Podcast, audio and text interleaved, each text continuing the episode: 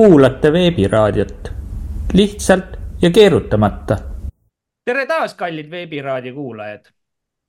saates osalevad eesti.com peatoimetaja Mihkel Johannes Paimla. tere kõigile. ERE programmi töörühma liikmed Kertu Luisk ja Harri Raudvere. tere, tere. Nõmme raadio tuntud ajakirjanik Andres Raid. head alanud uut aastat ning vabamõtleja Timo Kalaus alias Silver Ronk. tere ja uut aastat, laena mõistust, vanemuine. saates külas teleajakirjanik ja koolitaja Karmen Britson. tervist teile kõigile, head uut aastat. Saadet juhin mina, Maarja Maripuu, tuntud sisulooja ja suunamudijana konservatiivne mõtiskleja. selles saates ei esinda me partei seisukohti, vaid avaldame oma isiklikke mõtteid alustame saatega. nädalaga olen mõned mõtted kirja pannud, mille ma nüüd teieni toon ja siin saates läbi arutame. tehisintellekt ja seks robotitega. oleme juba uudistest kuulnud ja näinud, et õpilased kasutavad koolides pikerdamiseks tehisintellekti ehk tehisaru ai abi. samuti hiljuti testis Hiina robotifirma Unitre inimese kujuliste ehk humanoidrobotite vastupidavust. jah, hetkel on robotid väga algelised ning kohmakad, kuid kahekümne aasta pärast ilmselt on neid võimatu eristada tänavapildis inimestest. ning kõigile pole uudis enam ka see, et lapsi saab tellida kataloogist, pannes tellija paika juukse, silma, nahavärvi ning intelligentsuse taseme minul isiklikult enam ei tundugi naljakas president Kaljulaidi välja öeldud seoses robotitega. kui nüüd see kõik komplekteerida ühte kooslusesse, saame täiusliku kahel jalal kõndiva masina, kes on suuteline viljastama naisi kõige kvaliteetsema spermaga ning meestelt seda ka koguma. kas võib olla globalistide plaan võtta kogu maailma rahvastiku sigimine oma kontrolli alla just roboteid silmas pidades? Ning hakata nõnda tulevikus parandama inimkonna genofondi. ning kas imeline ai on päästja või hävitaja praeguses ühiskonnas? ja mida arvate? Andres, alustame sinust. oi, no meie igapäevane elu ja isegi, isegi põgus pilk enda ümber no, paneb tihtipeale kahtlema selles, et nad, et need robotid kunagi tulevad. mõnel juhul tundub, et nad on juba kohal ja, ja meie ümber vägagi inimeste nägu, sellepärast et ainult, et neil puudub igasugust viiest paatiast on ainult impaatia ja viha näol. ja, ja, ja tähendab nali naljaks, aga, aga kõik see, kõik see on üsna jabur aga laiem perspektiiv tundub selles olevat, ma võin nüüd praegu jälle kellelegi võib-olla varba peale astuda või, või öelda midagi, mis tundub utoopiline või, või, või liialdusena. võib-olla ta ongi liialdus, igal juhul.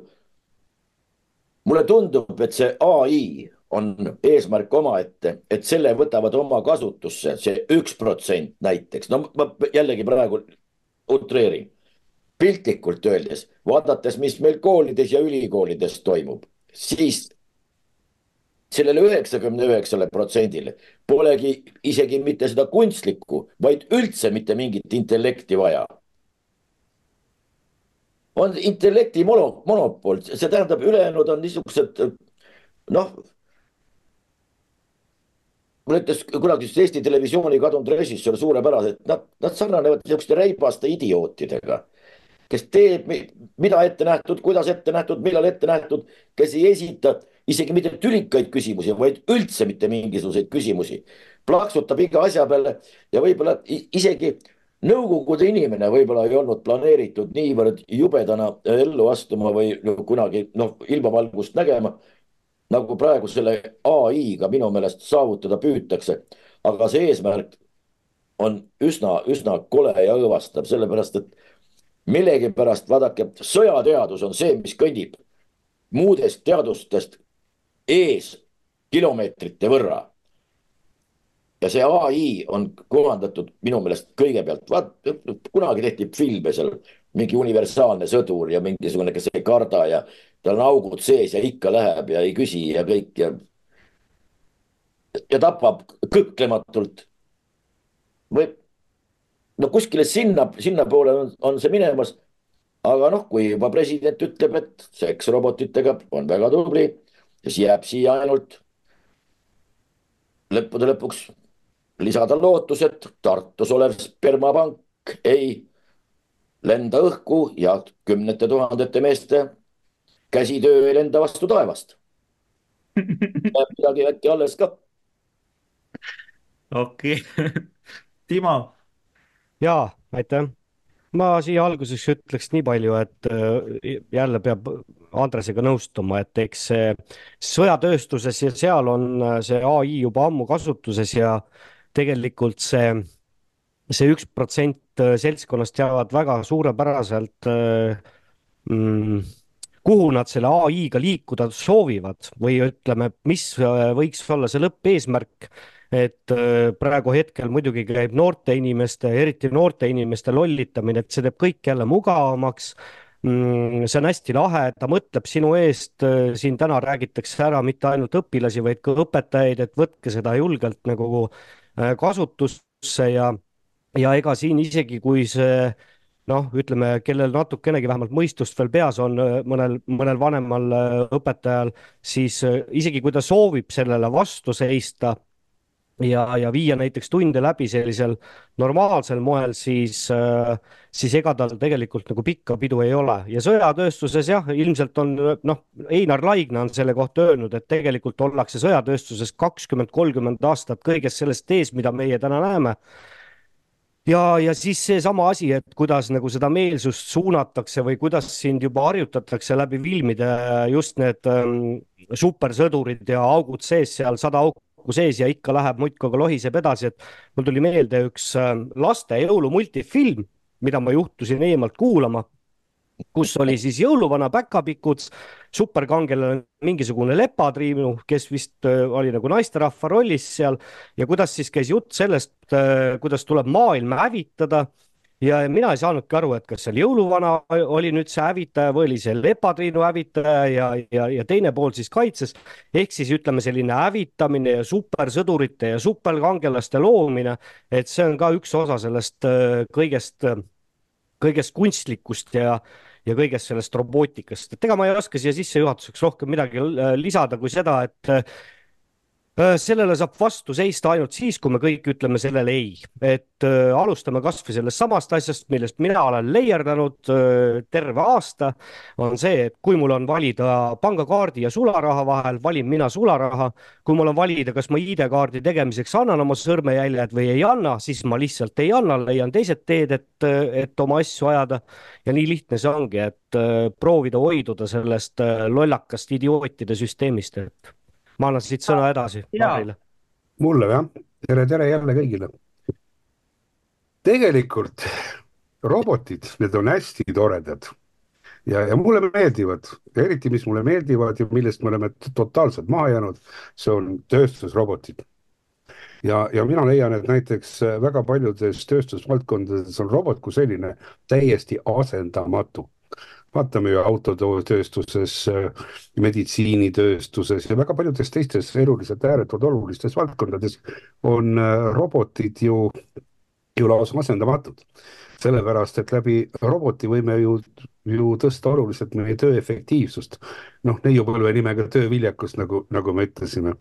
ja, ja lõpptoodang saab kindlasti äh, palju parem ja palju kvaliteetsem, sest et, sest et kui me räägime nüüd äh, tegevusest tootmistegevusest laiadele massidele, siis noh, paratamatult äh, käsitsi me ei suuda enam kindlasti rahuldada kõiki ühiskonna vajadusi, mida me tegelikult äh, peaksime nagu, nagu suutma äh, noh, rahuldada, aga vaadake, üks asi on muidugi see, et see on lihtlabane tööstusrobot, mida siis näiteks mida siis selline väga lihtne arvuti võib käiata, millel on programm sees ja ta määratleb ära nüüd need operatsioonid, operatsiooni järjekorrad ja, ja seda, mida ta tegema peab, no see on nüüd absoluutselt üks asi.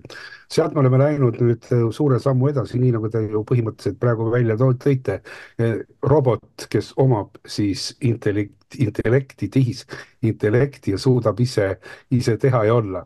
ja muidugi noh, vaat kui me vaatame praegu robotite arendamisel või, või või üks põhisuund, mis on, et üks asi on seesama intellekt, mis paratamatult peaks kaasnema robotite, eh, tulevikurobotite arendamise ja toimimisega, siis eh, on ju olemas üks suund, mida siis praegu üritatakse luua või teha, on biorobotid ja, ja ühildada inimorganism robotiga koos tööle.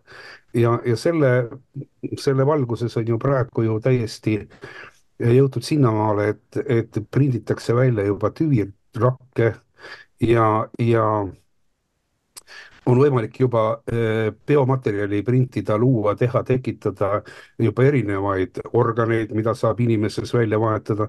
ja tänu sellele ju pakutakse välja, et eh, mõne aasta pärast tänu selle robot, robootikale ja sellele teooriale on ju muudetud inimesed, kes siin elavad, noh, kindlasti osa inimesi ju praktiliselt surematuteks.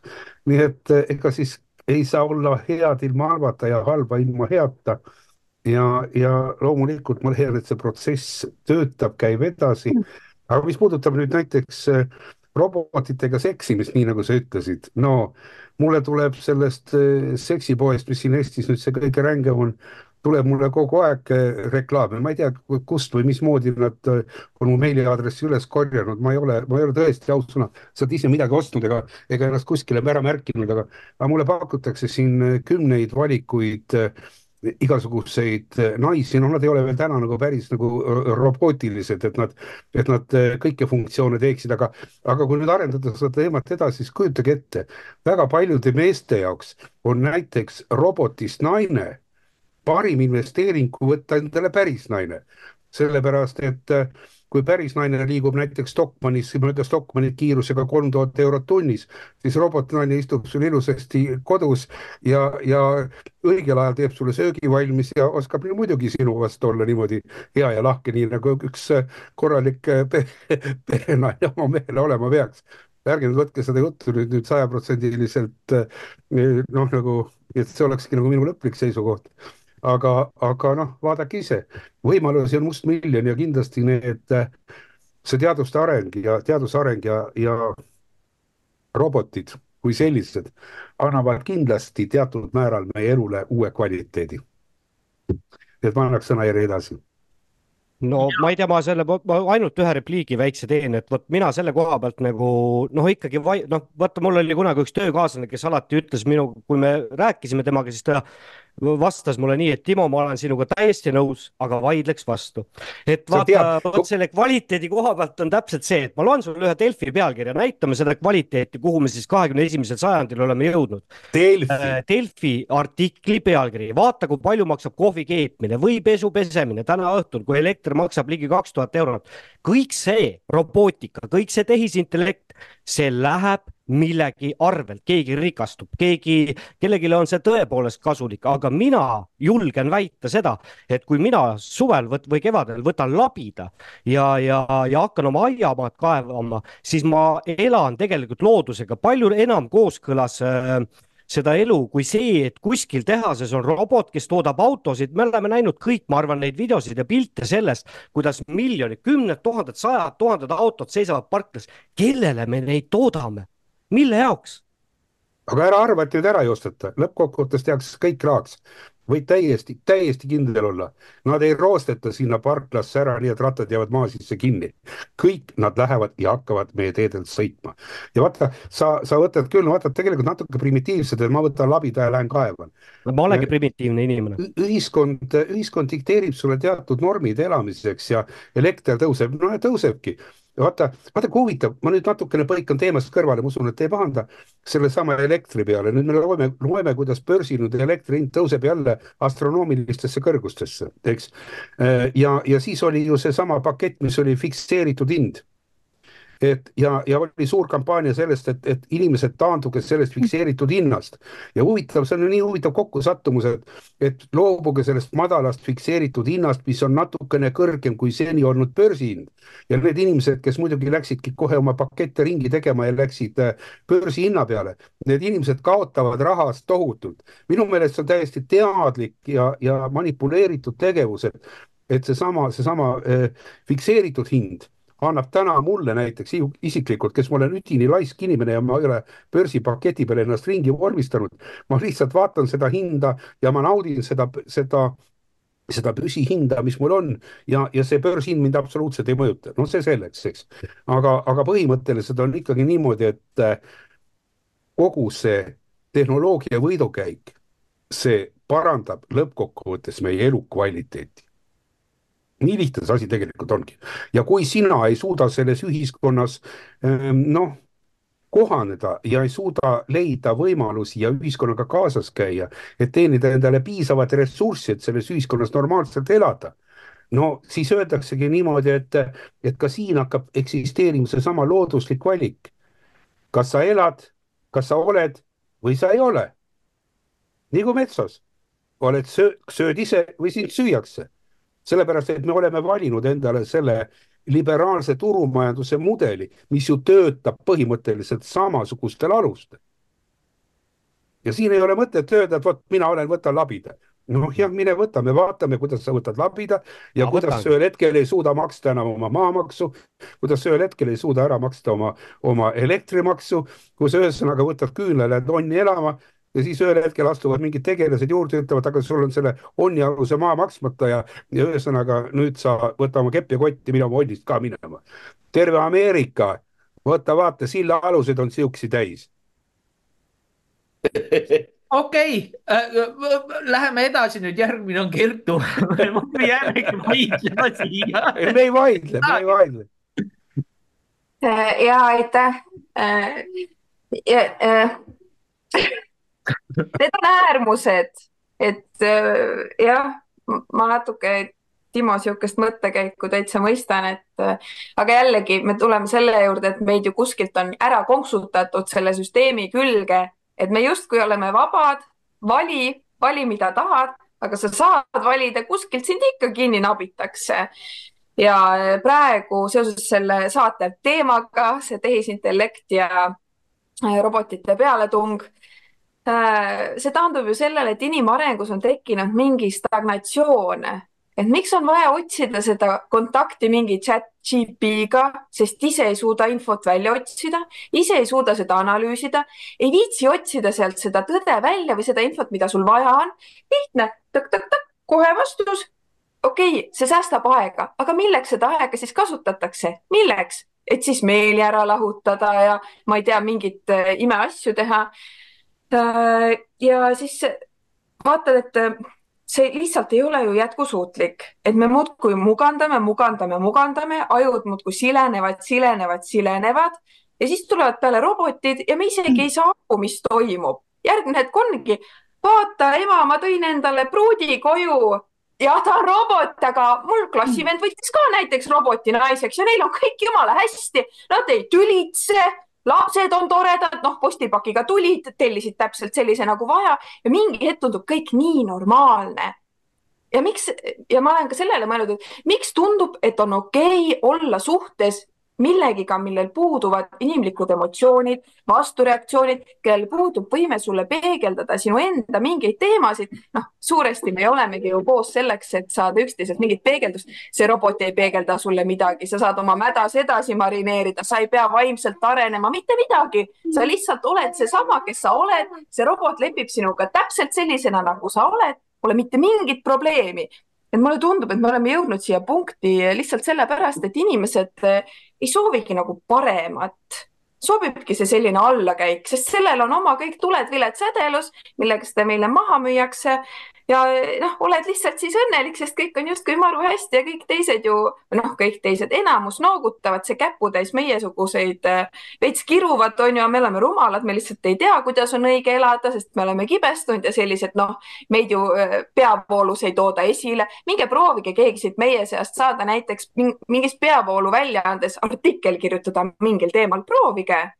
ei ole võimalik sest meie arvamus, meie hinnangud ei maksa mitte midagi. suvel proovisin konservatiivsuse teemal esitada artiklit erinevates väljaannetes. Postimees ütles no. mulle selle peale, et pole aktuaalne teema et äh, ja pole mõtet üldse saatagi, sest meil on nii palju muid teemasid ja see jääb lihtsalt kuskil meile sinna sahtlisse vedelema.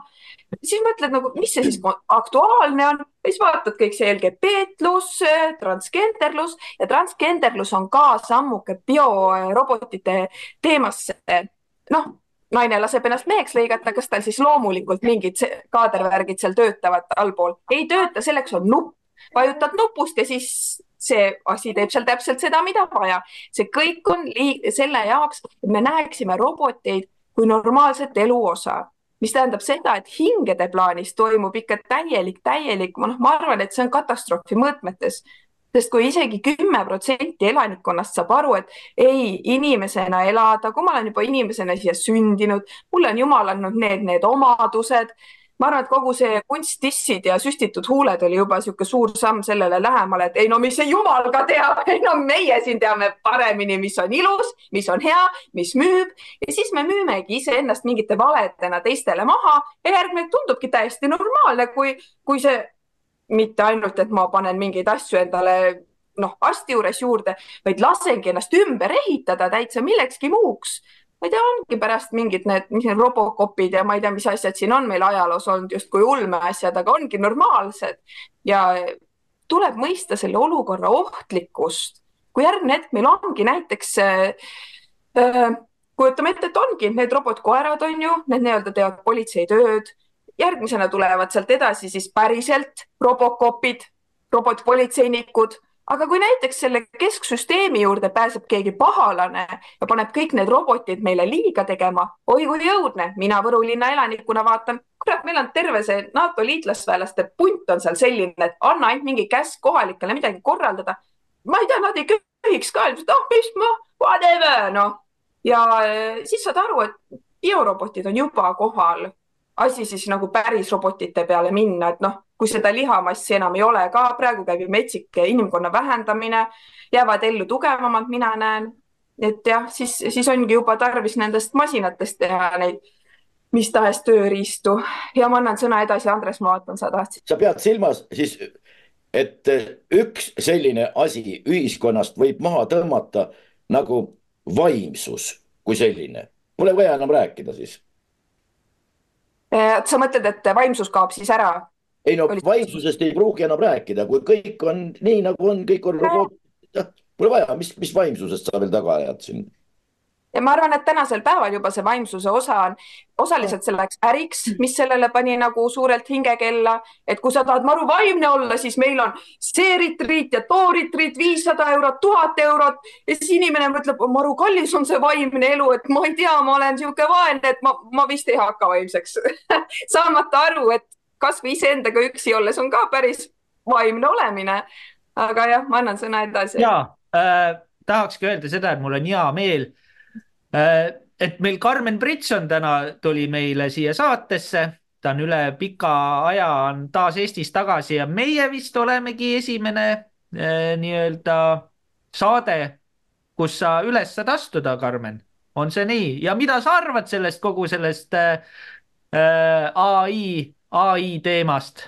jaa ähm, ma muidugi aplodeerin kõikidele eelkõnelejatele ja see, äh, see kõik oli väga täpselt see, mida ma mõtlen. Äh, ja ma tahaksin lihtsalt äh, see teema, ai teema on mind tegelikult kõnetanud juba siin viimane aasta ja mulle tundub, et nii nagu Kertugi ütles, et me ei saa, me ei saa nagu aru, kuhu me liigume, et üks asi on see, et äh, me ei räägi enam vaimsusest, aga ka vaimsus on, äh, meile pannakse ju, mis see ai on? sul on automatiseerimine, et meile, meile vajutad nuppu ja sa saad nagu, kas sa saad äh, kohe telefonist endale mingisuguse äpi, mis sind justkui vaimselt püüab raputada, vaimselt paneb sind äh, otsima justkui õigeid asju ja, ja sul ei ole varsti enam retriite vaja, sellepärast et äh, kõik on ühes äpis ja sa arvad, et see töötab. Ai on selline asi, lihtsalt praegu nüüd jagan nagu sellist oma arvamust ja kuna ma ei ole väga vasakpoolse ajupoolkera aktiveerija, et ma püüan olla selliseks rohkem loovuses ja rohkem nagu võib-olla ühenduses oma, oma südamega ja kuulan südant hästi palju, usaldan seda, siis ma tänasel päeval õpetan ju ka inimesi rohkem kukkuma südamesse ja usaldama oma intuitsiooni, mida mille kuulamine meil muutub tegelikult üha ja üha raskemaks, sellepärast et ähm, me isegi jah, vaimsel teel olles inimesed kukuvad ära egosse, kus on, nad hakkavad otsima raha.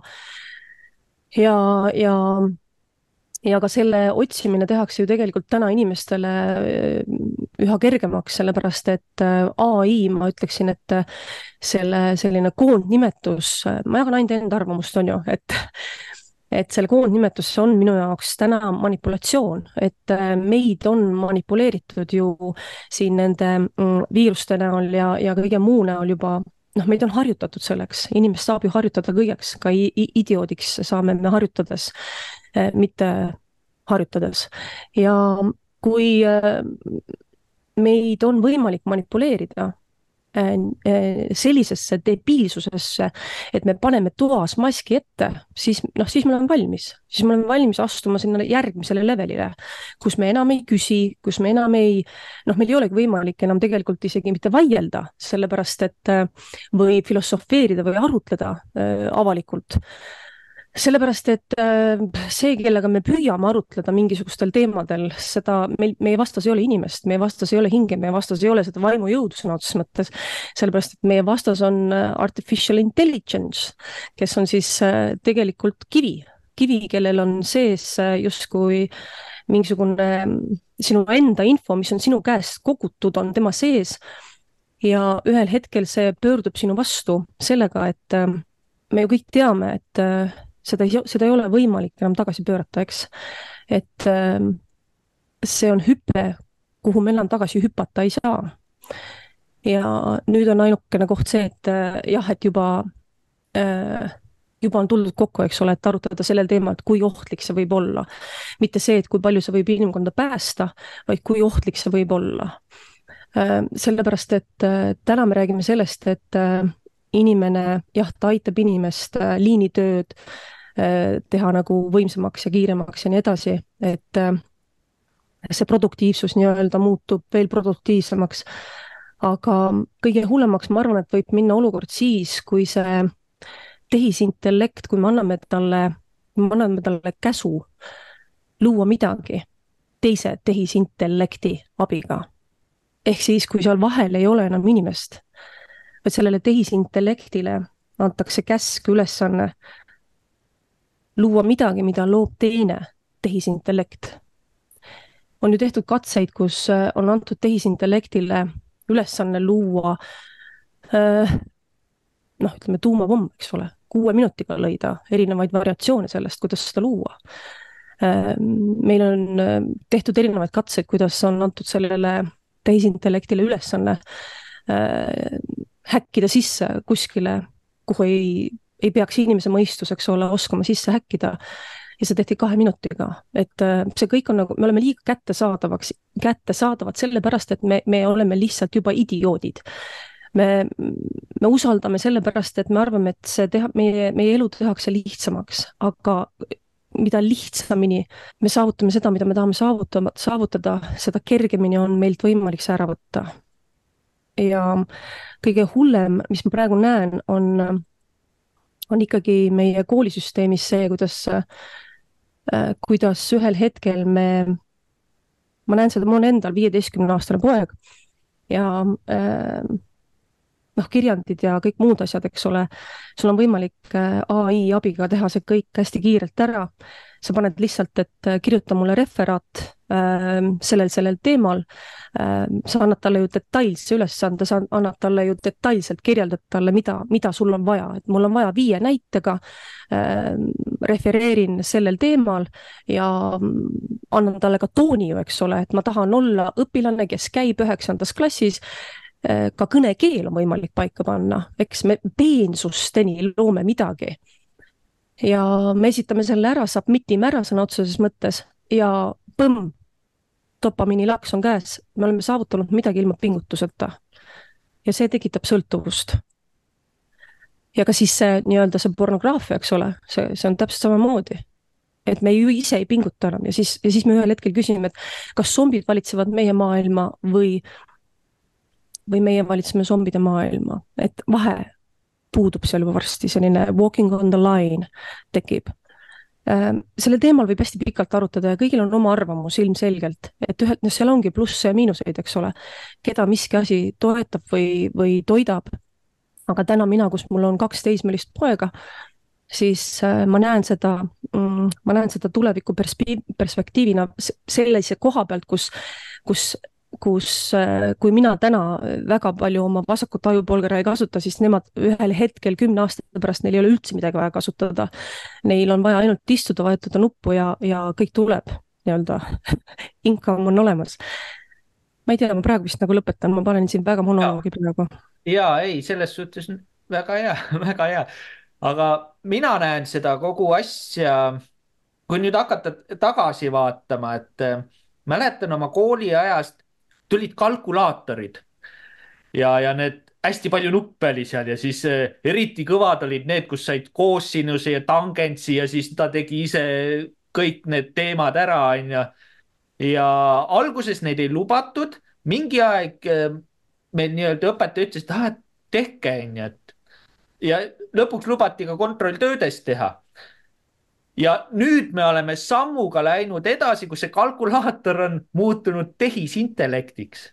ehk siis ta juba teeb sul nii-öelda neid referaate ja, ja, ja nii noh, selles suhtes, et kalkulaator. sul seda tangentsit nagu väga vaja ei ole, aga sul on vaja analüüsivõimet ja ma arvan, et ai on see, mis võtab ära meilt analüüsivõime. me ei suuda analüüsida enam varsti. ma tahtsingi seda öelda, et me lähme nagu step by step kogu aeg kangemaks. ja see, ja see on nagu kõigi asjadega nii, noh, see on nagu üks vend teeb suitsu, lõpuks teine vend on fentanüüli otsas step peab kangemaks minema. täpselt on selle ai-ga ka nagu alustame, alustasime tegelikult arvelauast, kui nüüd noh. ja, ja see nüüd oleme ai peal, et kuhu siis edasi kui kangeks see lõpuks saab minna ja noh, lõpuks me oleme täitsa lollid. või, aga me ei saa ka muutuda väga lolliks, sest keegi ju peab ju nendel robotitel hinge oskama ka sees hoida või hakkavad nad ise üksteist seal remontima ka ja siis olemegi mingid lihatombid või. Matrix tuleb meelde sellega, et äh,. Harri ah,. sa, sa puudutasid väga huvitavat teemat. ma nüüd natukene pean ka jälle sellise pisikese monoloogi Äh, vaata, äh, mina olen nii vana inimene, eks, et ma olen seda tsirkust läbi aegade näinud, seda dünaamikat ja ma mäletan, et, et kui koolis mina noh, nagu sai ju tööd tehtud arvelauaga tõesti, nagu oli ja võin öelda, et ma oskan arvelauaga täna siit tänase päevani suurepäraselt liita, lahutada ja korrutada ja jagada ka. sellepärast, et see käis nagu täiesti asja juurde. järgmine, järgmine ütleme niimoodi, aju gümnaasium, ühesõnaga niimoodi, et selline aju, aju, no ma ei tea, kuidas seda isegi õigesti öelda. gümnastika oli ju lükat, ma ei tea, kas teie olete nooremad lükatiga üldse midagi teinud. lükat oli ju nii fantastiline asi, lükatiga sai ju praktiliselt kõiki asju arutada ja, ja see inimene, kes lükatit valdas, sai sellega arvutada palju kiiremini kui kui, kui võib-olla arvelauaga, nii et see lükati oli siis järgmine projekt või programm, millega meie tegelesime. ma mäletan väga hästi, kui mul esimene tuli selline Nõukogude äh, arvutusmasin, mis oli Felix, mis, mis tuli siis panna nuppudega või tähendab kangidega tuli panna numbrid peale, siis pidid keerama vänte ja siis said lõppkokkuvõttes tulemuse ja ja siis, kui ma sain esimest korda Canoni numbritega arvutusmasina, mis oli täiesti tolle aja kohta uskumatu saavutus, siis ma ikka tükk aega imetlesin, sest ta võttis siis tollel ajal ruutjuurt ja ta tegi kõike, kõike seda. Ja nüüd, kui me räägime nüüd tehisintellektist, siis ma kasutasin seda alles ise ja, ja omast arust täiesti edukalt, nüüd ma võin öelda, et ma ei ole nagu mingisugune kibestunud ajaloosse kinni jäänud võrku jäänud vanamees. sellepärast, et ma tunnistan ausalt, et ma tegin oma sadama eeskirjad tehisintellekti kasutades, ma andsin talle need põhi, põhipunktid, kõik värgid ette, mida vaja on võtsin, vaatasin nagu enam-vähem teistest sadama eeskirjadest, panin plagiaati, tõstsin talle need lähteülesanded ette ja ta pagan, ta tegi mulle nii head sadama eeskirjad, et et ühesõnaga Veeteede Amet ja, ja kiitis selle kohe heaks, ütles väga hästi tehtud. nii et ma peaks ütlema, et, et jumala eest, et me võime teda hukka mõista, me võime teda, võime teda noh, niimoodi halvustada, aga teatud valdkondades on ta täiesti noh, nagu asjakohane. Ja, ja loomulikult on ka see, et, et äh, me peame suutma vot täpselt oma lastele, mul on ka terve, terve, terve toatäis lapsi, terve suur pesakond ja, ja ma olen püüdnud ka äh, noh, neid suunata selles suunas, et kogu see tehisintellekt, kõik need arvutid, kõik need programmid, mida nad kasutavad, ma ei ole neid kunagi keelanud, aga ma olen püüdnud teha niimoodi, et nad seda kasutades leiavad iseendale kõige optimaalsema või ratsionaalsema lahenduse või rakenduse nende küsimuste ees, mis neis seisavad. ja tegelikult vot, mis ma tahtsin veel öelda, et, et, et me siin just praegu rääkisime, et Kertu ütles vist väga ilusasti, et vaata, et intellektile, tehisintellektile anname küsimused ette ja, ja tehisintellekt meile vastab ja me saame oma küsimustele kõik vastused. me ju ei vaidle vastu, saame vastused, aga minul on vastus või küsimus hoopis selline ja palju ohtlikum küsimus, et kas see küsimus või see vastus, mille me oma küsimusele saame, kas see on adekvaatne või see on kallutatud ja kui ta on kallutatud, siis kelle suunas? Ja nüüd küsime, et millist ideoloogilist eesmärki see vastus, mille meie lapsed saavad, mida see, mida see teenib? Ja kuhu see lõppkokkuvõttes välja viib. vot see on minu meelest palju suurem küsimus, mitte see, et ta vastab, vaid see, mida ta vastab, mida ta sunnib või tähendab, sest tõde, tõde kui selline on noh, abstraktne mõiste. Ja tõde, tõde võib kajastada või, või, või, või peegeldada absoluutselt igast vaatevinklist noh, nagu lähtuvalt. ja vot siin ongi see, et kas see noor inimene, kes nüüd esitab küsimuse, kas tema, kas see tõde on tema ajupesu või ta on siis optimaalne, et ta suudab selle tõega ka oma elu inimväärselt ära elada. vot need on nagu kaks, kaks teemat, mis, mis tegelikult mind selle küsimuse juures erutavad. ja äh, meil on Mihkel ka ju Mihkel, sa oled nii vaikselt. Mihkel ära peitnud üldse. Mihkel on nii vaikselt kus sa, Mihkel, oled nüüd on mm.? Ma olen siin, et äh, noh, aitäh sellegipoolest, et olen äh, teise ringi nüüd siis ankrumees. aga alustame siis kõigepealt sellest, et äh, nagu tehnoloogia üldse inimeste poole, et kui me võtame tehnoloogia ja nutiseadmed, me harjume sellega, et me kasutame erinevaid äppe ja siis noh, ühel või teisel moel langeme neist sõltuvusse ja lõpuks mõtleme, et ah, äpp teeb minu eest töö ära, et lihtne, et mul ei ole vaja üldse enam midagi eriti pingutada, sest et äpp või mingisugune muu äh, rakendus teeb ju minu eest selle töö ära, et äh, see kõlab ju ühtepidi nendele inimestele loogiliselt, kes äh, väga ei raatsi oma ajurakke kulutada.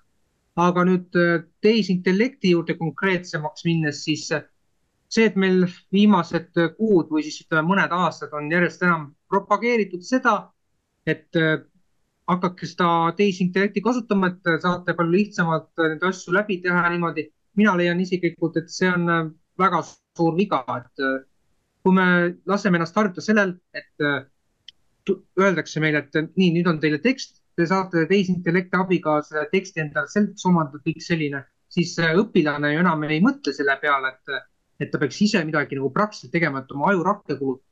et see viib lõpuks selleni välja, et me kasvatame praegu sellist põlvkonda noori, võib-olla täiskasvanud inimesi, kes oma peaga enam ei mõtle, vaid lasevad kõike enda eest ära teha tehisintellekti.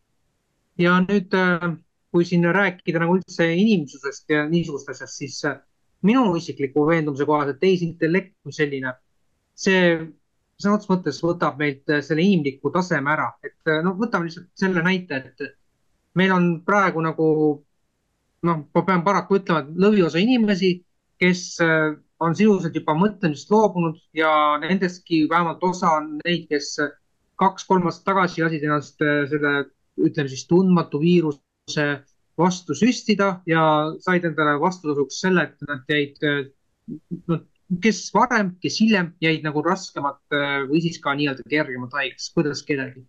aga see kõik viitas ju tegelikult sellele, et meil inimestel on hakanud loogiline mõtlemine kaduma, et, et need, kes lasid ennast süstida, siis nad uskusid seda, mida meediapropaganda rääkis ja siis hakkasid ise ka teistele peale suruma, kes ise tunnetasid, et nad ei taha seda teha, et neile ju räägiti, et see on vabatahtlik, hiljem hakkasid needsamad, kes meile rääkisid, et see on vabatahtlik, et oi, aga me tahame, et te teeksite ikkagi selle ära, et saate seltskonnas olla, saate peo, pidudel käia, mis iganes. aga see õpetas nagu vähemalt osad äh, rahvast äh, õppima toime tulema selle olukorraga, kus äh, inimesed enam ei saanud kõikides kohtades käia, no näiteks kohvikud, restoranid, no mis sellised asjad. Et ja siit tuleb juba see sisetunnetuse asi, et kas me suudame ise sisetunnetuslikult mõelda, et mis on meie tegelikud soovid, mida me tegelikult peame õigeks. Ja siin toodi ka üks moment selle egoga seoses välja, et, et tõelised egoistid, need mõtlevad ennekõike iseenda peale, siis mõtlevad, ma teen nüüd mingisuguse targa asja, et tehisintellekti, et siis enam ei peaks inimene inimesega kontakti hoidma. mina ütlen, et sellised egoistid on kõige ohtlikumad meie seas ja üks tehisintellekti pooldavatest nii-öelda ohtlikest tegelastest seal VEF-is on ju see seltsimees Harari. aga siin veel paar momenti ma tooks sisse, nii, nii palju kui siin on, et üks moment on seotud selle robotkoeraga, politsei robotkoeraga, et minu meelest oli see Los Angeles või kusagil, kus juba täiesti edukalt on seda politsei robotkoera kasutatud. et rääkida siin, et, et seda ei, ei hakata ju kuskil rakendama, et see on vale, et küsimus on, et kui kaugele me laseme sellel asjal minna, et kas me laseme nii kaugele minna, et see hakkab üle maailma domineerima, robotid ja kõik need muud tehisintellektid käsutavad meid ja ütlevad, et nii, sina oled ühele inimesele näiteks liiga lähedal, sina nüüd saad sellest sotsiaalse krediidiskoori rahatrahvi, noh, midagi sellist. Aga teine võimalus on see, et me ei lase sellisel hullusel kaugemale süveneda ja jõuame mingi hetkel selgusele, et see tehisintellekt ikkagi kätkeb endas tõsiseid julgeolekuriske, mitte ainult inimestele, vaid kogu sellele elukeskkonnale tervikuna.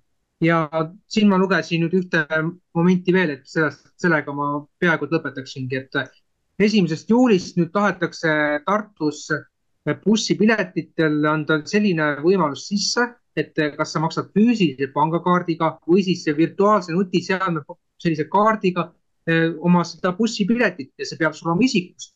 nii et see on järjekordne samm düstoopia poole ja veel rohkemgi, et, et kas me siis laseme nii kaugele minna, et inimesed lasevad endale vabatahtlikult või kasvõi siis sunnismaiselt kiibi käe peale paned, käe, käe peal kiip ja siis lähed validaatori ja siis ah,, sa oled see inimene, laseme sind bussi ja kui sa ei ole see inimene, sul on sotsiaalne krediidiskoor negatiivne, siis ah, vot me sind bussi ei lase. et see oleks minu poolt esialgu kõik, et aitäh. ja selles suhtes, et need robotid on juba tulnud meie kanti, et Soomes nad on juba ehitusobjektidel katsetamisel praegu veel hetkel ja, ja käivad nii-öelda ehitustöölistel järgi vaatamas, kas nad teevad ilusti tööd ja, ja palju nad suitsul, suitsul käivad ja, ja, ja nii.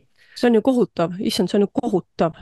no ja mis nad veel järgi käivad, ladugu müüri parem. ma mõtlesin ka, et, ma mõtlesin ka, et issand jumal, et kui vahva, et, et rasked sellised ohtlikud tööd anname üle, onju.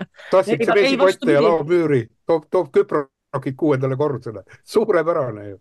Tabletid on taskustöölistel ja nii kui see tableti liikumine ruumis seisma jääb, see koer tuleb sinu juurde vaatama, on sinuga kõik korras. nii-öelda selle jutumärkides on sinuga kõik korras tervislikult aga tegelikult ta kaardistab su tööd, efektiivsust ja kõik jookseb nii-öelda sinna kontorisse ja kontoris on äh, nii-öelda tööde juhatajatel on inimeste aktiivsust kõik ilusti näha. Palju... töö, töö, tööandjana olen ma väga nõus, et selline süsteem töötab. nii kui seljapöörad istuvad maha, teevad suitsu ja ei liiguta mitte midagi. ja, ja, ja see on, see on inimlik. et ühesõnaga, kui sa tahad tulemust saada, siis töötavad ainult kaks asja piits ja präänik. ja kui sa oskad selle piitsa panna väga õigesti plaksuma, siis ainult müts maha nende ees, kes seda suudavad rakendada. sellepärast, et tõesti, kui sa tahad tulemust, sa pead kontrollima, mitte midagi teha ei ole, mitte midagi teha ei ole. ja, aga Harri, mõtle, sa praegu ise saates tunnistasid, et sa spikerdasid, aga mõtle nüüd need, kes vaatavad, kelle jaoks sa spikerdasid nad saavad aru, sa ei saanud asjast aru, kasutasid spikrit tähendab, sain küll, ma hindasin lihtsalt oma aega liiga väärtuslikuks, et ma oleksin pidanud hakkama seda ise otsast peale tuletama ja aretama, sellepärast et eh, elutarkus on see, et ei ole mõtet kunagi leiutada jalgratast, kui jalgratas on seina ääres, mille sa võid võtta ja sellega võid sõita. et siin on, siin on see, et, et jah, on, on palju asju, kus ma ei ole spikerdanud, ma olen, ma olen, ma olen istunud, näinud vaeva kuude nädalate kaupa, teinud mingisuguseid töid sellepärast, et ma pole spikerdanud, vaid ma, vaid ma olen teinud seda iseenda jaoks, et lisaks sellele, et ma olen pidanud oma kohustuse täitma näiteks ülikooli ees, olen ma püüdnud selle arvelt saada iseendale midagi, kasvõi sedasama sotsiaalset kogemust või seda pagasit, millele, millele tuginedes siis oma järgmisi otsuseid elus teha. olgu need siis nii õiged või valed, mis iganes, aga, aga nad on vähemalt minu omad nad ei ole tehisintellekti omad. nii lihtne see, see asi nagu ongi. aga vaata, sa ütlesid väga ilusasti sellest äh, paganama bussisõidust, eks ju. Mihkel ütles, et näed, et, et juba Tartus viiakse selline süsteem ette. kuulge, kallid inimesed kogu seda idiootsust või kogu seda kontrolli korraldavad meie oma armsad kaaskodanikud. meie oma, sama armas, armas Eesti rahvas teeb seda kõike meie endaga. no tekib ainult üks küsimus, miks? ja miks me seda kõike, miks me seda kõike nagu, nagu aktsepteerime, et kas need, kas need inimesed siis ise ka üldse ei mõtle või, või noh, mina ei taha näiteks, et kui ma bussiga sõidan, et, et oleks teada, et näe, nüüd sõitis bussiga, tegi seda, tegi teist, kolmandat. niikuinii, kui ma sõidan autoga, eks ju, tuleb ju nüüd uus korraldus, et, et kõiki masinaid peab saama interneti teel käima panna ja välja lülitada. kõiki masinaid peab saama kontrollida, kus nad liiguvad, kellega nad, kus nad käivad. noh, minu meelest on see tegelikult ju sisuliselt täiesti ebaseaduslik jälitustegevus ja ka seda hakkab lõpuks tegema tehisintellekt, intellekt. kui, kui me noh, vaatame, vaatame meie põhiliselt, nii et noh aga mis puutub lastesse, siis jah, lapsi, laste kasvatamine loomulikult, ega lapsed kasvavad ise niikuinii, aga meie asi on mitte neid kasvatada, vaid meie asi on neid suunata, et nad saaksid aru kahest väga olulisest asjast. tähendab isegi kasvõi ühest, on tegu ja on tagajärg ja on nende vaheline põhjuslik seos. ja, ja need on need väärtused, mida tuleb oma lastele selgeks teha. Sest meie sureme ära, aga nemad elavad ikka edasi. Ja kuidas nad elavad, vot selle, selle baasaluse suudame meie neile anda, aga meie ei saa elada nende eest seda elu, mida nad tegelikult elavad just täpselt, ma täiesti ühtin sinuga, Harri, et ja need mõtted on väga head, sest äh, mina näiteks äh, saksa keele tunnis ka hästi-hästi palju spikerdasin ja, ja. kes hästi, meist seda teinud ei oleks? hästi palju korjati spikreid kokku, mis tähendas, et ma nägin tööd ja vaeva selle nimel, et kes ma praegu olen ja siis ma võingi öelda saksa keeles, et arbeit macht frei, töö teeb vabalt ja, ja täiesti, täiesti selles suhtes, et ka kuna kunagi omal ajal ütles õpetaja, et muudkui aga kirjutage spikreid, kui te neid kirjutate, siis te vähemalt midagi õpite. just täpselt, just. aga ma vaatan, et Andres tahab midagi meile rääkida äh,. sa ütlesid, et, et sellest mm, kunstintellige- või sellest noh, artificial intelligence yeah., kunstlikku, kunstlikust mõistusest on jutt see muide on suunitletud ja kaldus. kivisildnik on teinud pikalt-laialt kirjandusalal igasuguseid mingisuguseid vestlusi selle chat IT-ga või selle ai-ga. ja mis sealt välja tuleb? loomulik seks, see on kõik fuih, meeste armastus ja naiste armastus omavaheline, kõik see on suurepärane, kõik see on see on suunitletud, see on sotsiaaldemokraatiasse minev, isegi mitte sotsiaaldemokraatiasse, see on la, lausliberalism ja, ja kõik muu ei tule kõne alla. ta on pikki vestlusi selle, selle chat'iga pidanud ja selle suunitlus on täiesti selge.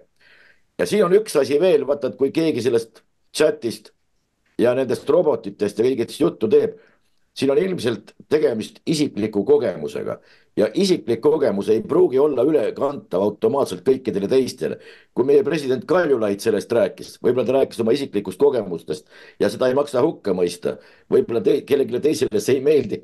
noh, siinkõnelejale täpselt samamoodi, aga see ei tähenda, et kellelegi teisele see ei pruugi meeldida.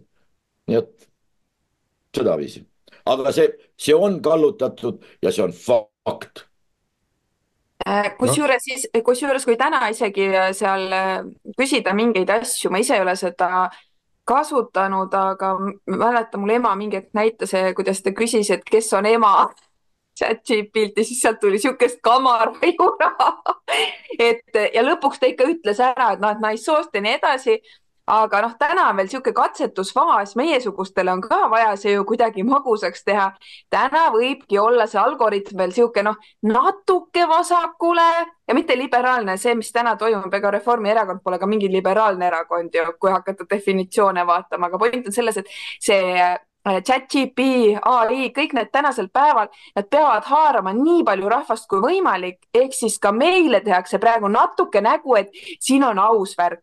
Ja siis, kui oleme juba seal konksu otsas kenasti, kellel on mõtlemisvõime, analüüsivõime, need näevad läbi, et pekki küll, no nüüd läks lappesse, nüüd ei ole enam siin mitte midagi tõega pistmist, aga suur hulk on siukseid, ei no varem töötas, ei no mis nüüd siis, ei no ju siis, ju, siis nii ongi, nagu see ütleb, noh. Ja siis, siis usutakse kui vint üle keeratakse vasakule poole, et noh, ju siis on nüüd nii.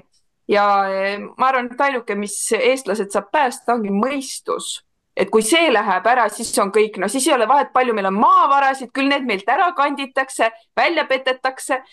Eh, ükskõik kui, ma ei kujuta ette, mis saavutused meil on siin teaduse vallas pannakse mingid lollid etteotsa, kes ütlevad, et ei, see pole mingi teadus, meile WHO-st öeldi, et see on hoopis teadus ja kõik siuksed mõistusevabad on.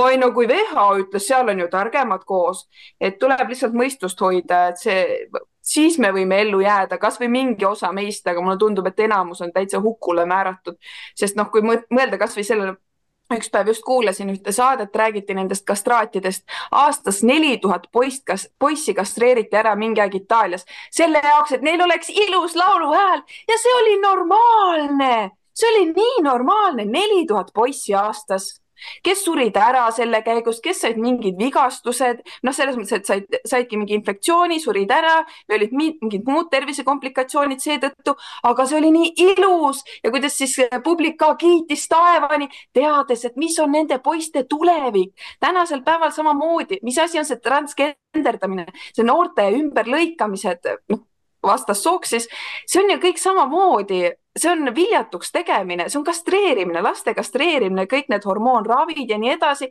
ja kõik on siuksed ja, sest see on tema keha, tema valik. see on täpselt samasugune ajaloo kordutus tänasel päeval ma täna, tänasel päeval see ajalugu kordubki, kunagi oli ka normaalne neli tuhat poissi aastas ära kastreerida, sest ilus on lauluhäält kuulata ja mul on tunne, et me oleme samas punktis ja see käib kolinal põhja mingil hetkel, sest tänasel päeval ei ole võimalik leida Itaaliast kohta, kus kohas seda tehti. Lähed ühte kohta, öeldakse ei, ei siin ei tehtud, seal, teises linnas tehti, lähed sinna, ei siin ei tehtud, seal tehti. häbi on ja mingi hetk meil tuleb samamoodi, kui me jõuame sellesse põeme selle haiguse läbi ära, mis meil täna ühiskonnas on, saame normaalseteks ja siis ka on niisugune häbenemisaeg ilmselt, et mida me tegime. ja Andres Harri, ma ei tea, kumb. tähendab, äh, see muide, see kastreerimise küsimus, see on Eestis juba olnud. Äh, siin Eestis said kokku kaks sektantide suurt liikumist, Herrnhutrit Münsterist Saksamaalt ja Hlõstid kelle kõige kuulsam esindaja oli ei keegi muu kui prohvet Maltsvet. ehk siis Juhan Leinberg, Liusvere külas sündinud. siis nende klõstide hulgas oli omakorda liikumine skopetsid ja vaata, need olid kohitsejad, sellepärast et ainuke armastus oli jumalik armastus, lihaline armastus sinna ei kuulunud. ja neid oli Eestis umbes arvestuslikult umbes null koma üks protsenti, nii et tegelikult väga palju inimesi, see kõik on siin juba olnud. praegusel ajal võime nüüd irooniaga ja liialdades jälle öelda, enam ei ole vaja kastreerida, sest paljudel füüsiliselt neid on, need on veel küll kuidagimoodi küljes, aga funktsionaalselt enam mitte. Ka ajalooliselt Türgi senuhhid kes olid haaremi hoidjad, need samamoodi krõks-krõks tehti ära ne,. Neil ei saanud teistmoodi kuidagi olla, sest vastasel juhul poleks sultanil enam midagi teha olnud. nii lihtne see asi oligi.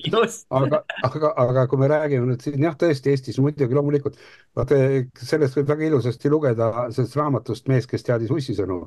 seal oli ka, et kui ilusti nad kooris laulsid kui peene häälega aga kui me räägime nüüd et Itaaliast, et selline hulk inimesi kastreeriti või noori, noori poisse, siis mina ütleks selle peale ainult, et no jumal tänatud. kujutage ette, kui nad kõik oleks lapsi sigitanud, kui palju rahvast siis maa peal veel juures oleks olnud.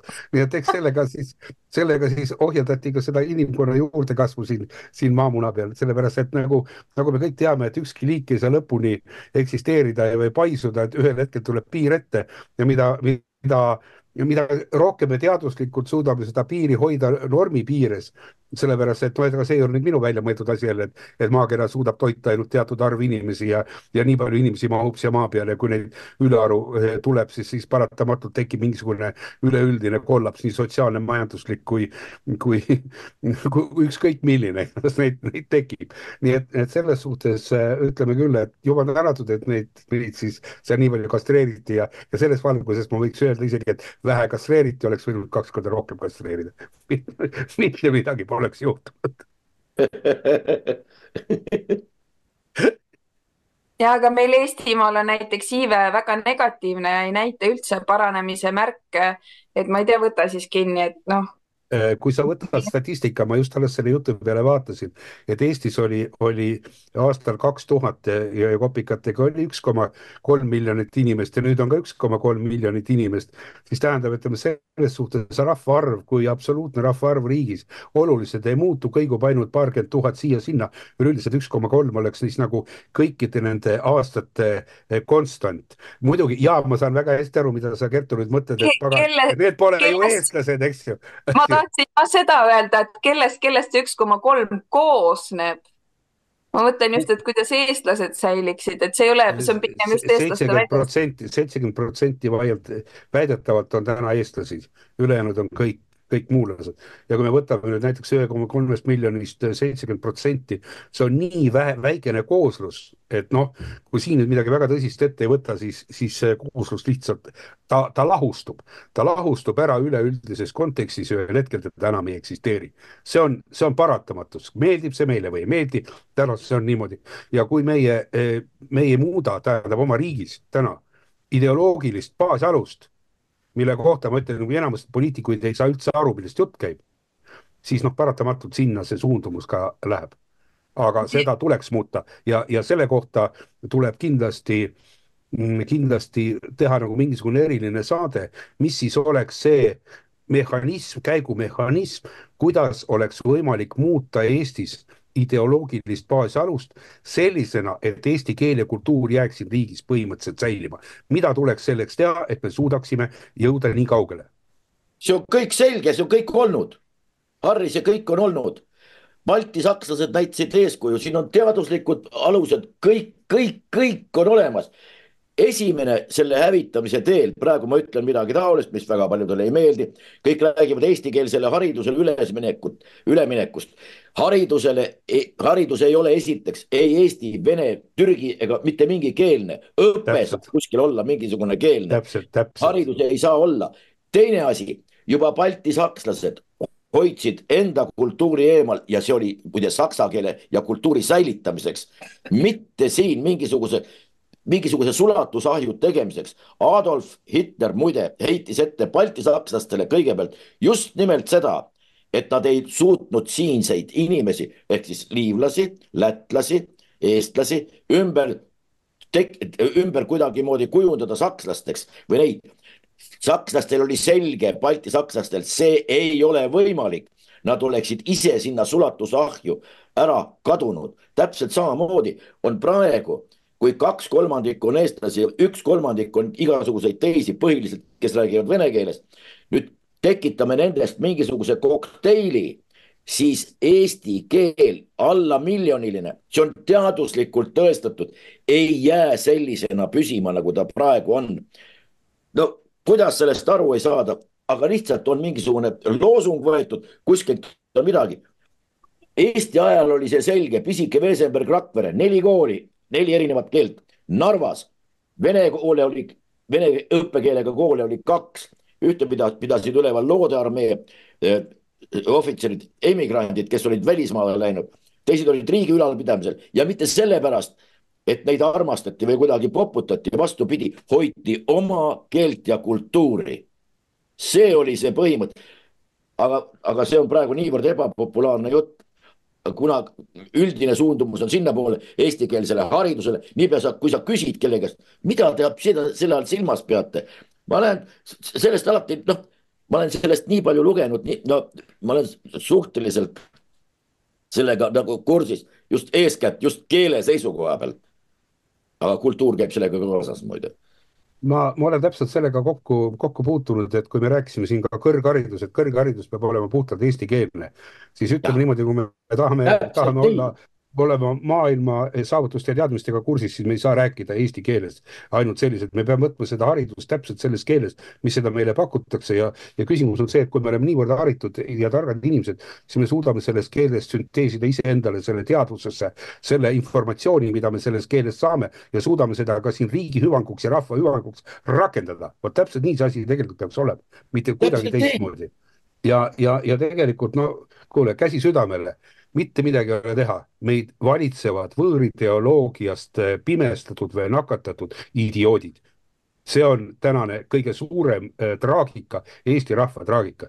Need inimesed, kes, kes meid valitsevad, on vaieldamatult võõrideoloogile tuginevad välis, välismõjuagendid, kes kujundavad seda elu absoluutselt teises valguses, nii et see lõppkokkuvõttes eesti keel ja kultuur välja sureks, rääkigu nad, mida tahavad oma õigustuseks. ja vaat siin ütlengi seda, et mis siis Eesti rahva allesjäämise põhitingimus on, vaata nagu ütlesime, see on tarkus, see on mõistus, tarkus, eneseväärikus ja teine asi, mis on veel, millest jälle keegi rääkida ei taha, see on diplomaatiaoskus. Vaat need on need, mis, mis suudaksid Eesti rahva ja keele ja kultuuri säilitada läbi aegade.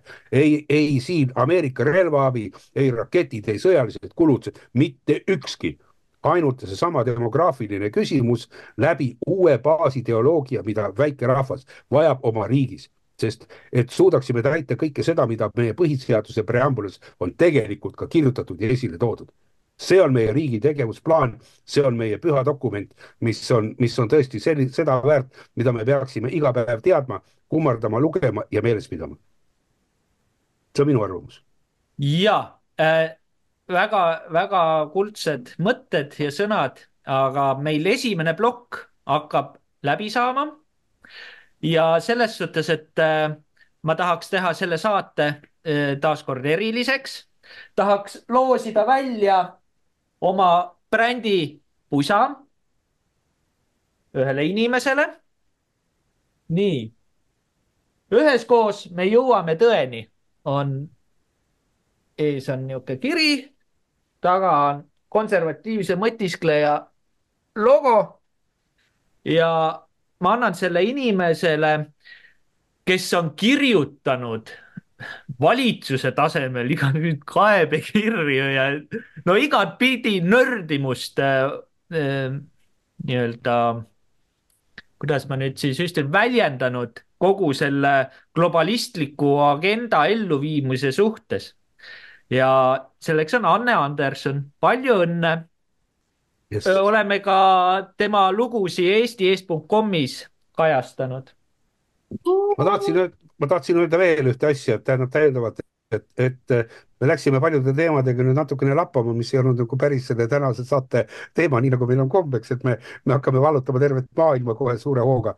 aga kõige tähtsam asi jäi ikkagi rääkimata ja see on seks robotitega aga selle, selle teema me võtame teises plokis, teine plokk, seda kuulete Patreonis. aga selge, võtame siis asja ilusti kokku, et endiselt ootan kirju inimestelt, keda liita kogukonnapõhise sotsiaalmeedia platvormiga info at mõtiskleja.ee. portaalis on juba hetkel kaksteist tuhat aktiivset kasutajat samuti eesti.com ootab sisuloojaid. kontakt at eesti.com. MTÜ Konservatiivne Eesti ootab kõnesid toetustelefonile üheksa tuhat üheksa, üheksa, üheksa. kõne hinnaks kümme eurot võitluseks e-valimiste vastu.